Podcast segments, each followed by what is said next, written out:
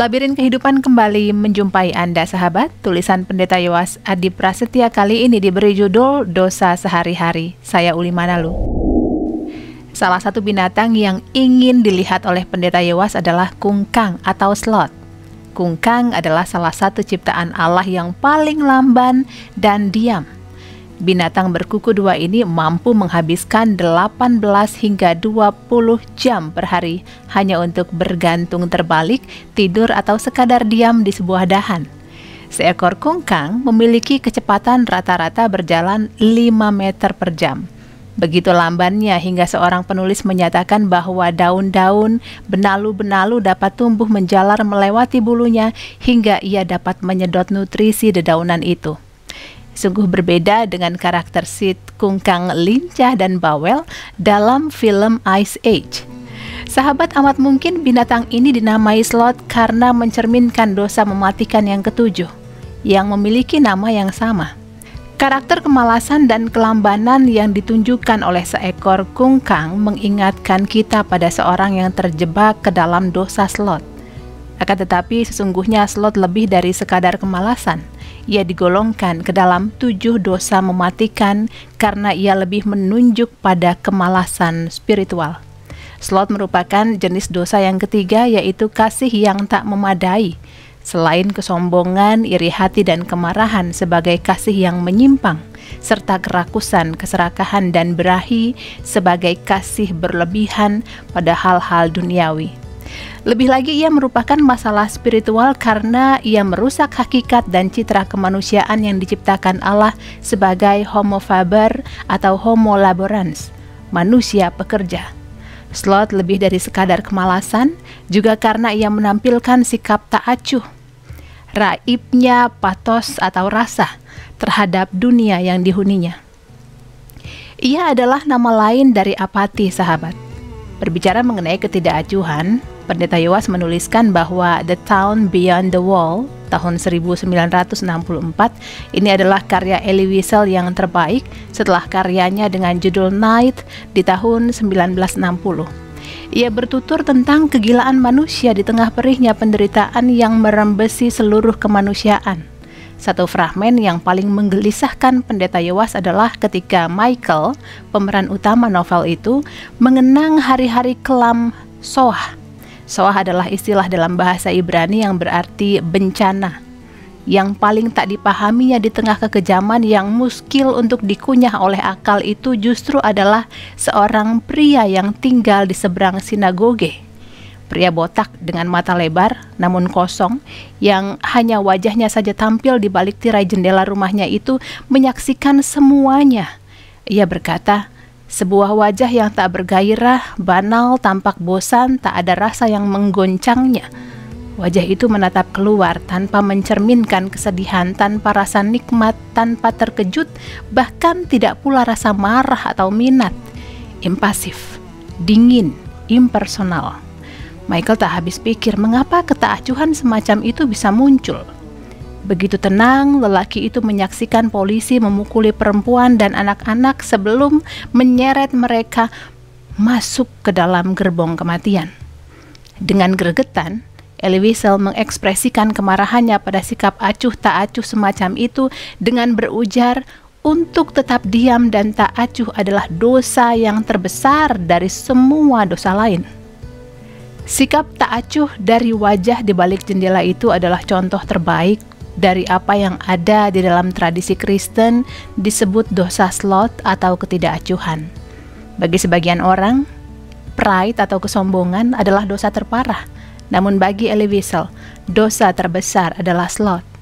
Sampai-sampai ia berkata bahwa orang yang berkhianat dan menyiksa sesamanya masihlah seorang manusia.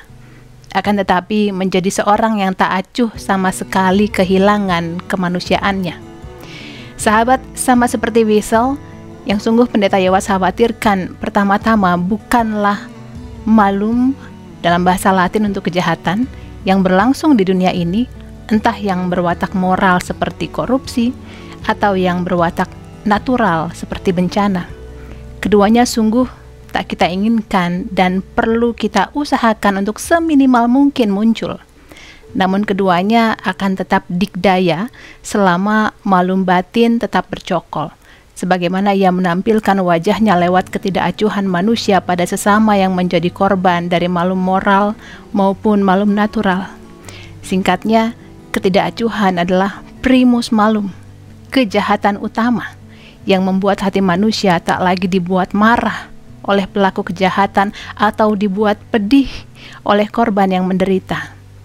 Ia adalah dosa yang teramat keji, kata Henry Fairley, sebab ia tak percaya pada apa pun, tak berusaha tahu tentang apa pun, tak terlibat ke dalam apa pun, tak menikmati apa pun dan celakanya ia tetap hidup karena tak ada apa pun yang bahkan membuatnya ingin mati. Ia adalah tatapan kosong pada realitas kehidupan yang penuh gejolak. Apalagi yang lebih mengerikan ketimbang kehidupan tanpa denyut batin semacam ini.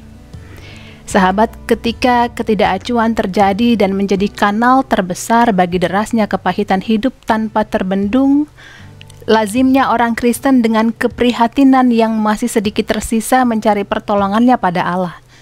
Bukan Allah yang impossible, yang tak mengenal rasa, tetapi Allah yang memasuki kepahitan hidup itu dan bergumul dengan dunia, bahkan dengan dirinya sendiri maka mempertahankan doktrin klasik divine impossibility yaitu ketidakmampuan ilahi untuk merasa atau menderita sungguh menjadi sebuah kemewahan yang tidak mungkin kita pertahankan lagi. Sebab akan diandaikan pula bahwa impasibilitas ilahi akan ikut terbawa ke dalam inkarnasi sang anak dan jika itu benar tak ada yang tersisa dari yang ilahi untuk ikut diperjuangkan. Sebuah ketidakacuhan ilahi pun terlahir dan melahirkan ketidakacuhan Kristiani. Tak acuhlah engkau, sebab aku tak acuh. Sahabat, maka tak heran jika ateisme menjamur di dalam dan setelah fakta kejahatan, sementara penderitaan makin membuktikan tidak bermartabatnya Allah. Dogmatis yang bebal hati itu. Teisme membutuhkan ateisme, ateisme membutuhkan teisme. Namun Allah yang namanya kita undang itu adalah Allah yang melampaui teisme dogmatis dan ateisme radikal. Ia adalah Allah yang hadir lewat kehadiran orang asing yang tadinya tidak kita acuhi. Ia selalu hadir mengejutkan, tak terprediksi, senantiasa baru setiap pagi, sebuah epifani yang nyaris selalu menjengkelkan. Peristiwa semacam ini menjengkelkan, Sebab setiap kali kita mengundang hadirat Allah yang maha itu, orang asinglah yang datang. Dan setiap kali kita pun menolak Allah sepenuhnya, tetap saja orang asing itu datang.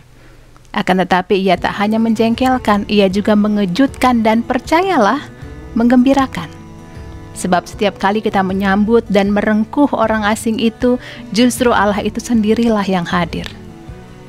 Kejutan tersebut berlangsung bagai sebuah epifani yang oleh Michel de Certeau digambarkan seperti mendobrak jendela rumah seseorang yang tengah terlelap. Sahabat mencintai Allah di dalam sosok orang asing adalah jawaban kita di tengah ketidakacuhan Kristiani massal yang makin menggelembung jumlahnya. Ia adalah jawaban atas pertanyaan klasik Santo Agustinus. Q dergo amo cum dium meum amo apa yang sesungguhnya aku cintai ketika aku mencintai Allah? Agaknya mencintai Allah tak mungkin dikerjakan kecuali melalui cinta kepada sesama. Sebab pada waktu aku lapar, kalian memberi aku makan, dan pada waktu aku haus, kalian memberi aku minum. Aku seorang asing, kalian menerima aku di rumahmu. Aku tidak berpakaian, kalian memberikan aku pakaian. Aku sakit, kalian merawat aku Aku dipenjarakan, kalian menolong aku. Demikian Matius 25 ayat 35 sampai 36 Alkitab Bahasa Indonesia masa kini. Sahabat mencintai orang asing yang konkret merupakan cara paling cerdas dan paling religius untuk mencintai Allah. Wajah orang asing itu adalah mungkin wajah korban korupsi atau mungkin wajah si koruptor, wajah mayat yang terhanyut karena bencana banjir hebat atau mungkin wajah perusak hutan ia senantiasa konkret menolak dan menerima orang asing dalam konteks perjumpaan sehari-hari ini selalu menjadi sebuah tindakan iman dan Allah senantiasa hadir entah kita tolak dia atau kita terima dia maka menolak sesama sungguh-sungguh menjadi dosa besar yang sayangnya berlangsung setiap hari. Maka sikap rajin sebesar apa pun untuk beragama jadi tak bermakna jika kita tetap saja hidup dalam kemalasan spiritual untuk menjumpai orang asing dan memperlakukan mereka secara manusiawi. Awas, kemalasan spiritual adalah dosa sehari-hari yang paling gawat. Sahabat, sampai di sini kebersamaan kita dalam labirin kehidupan. Anda yang membutuhkan naskah lengkap labirin kehidupan, silakan menghubungi BPK Gunung Mulia. Terima kasih Anda sudah meluangkan waktu Anda bersama kami. Sampai jumpa.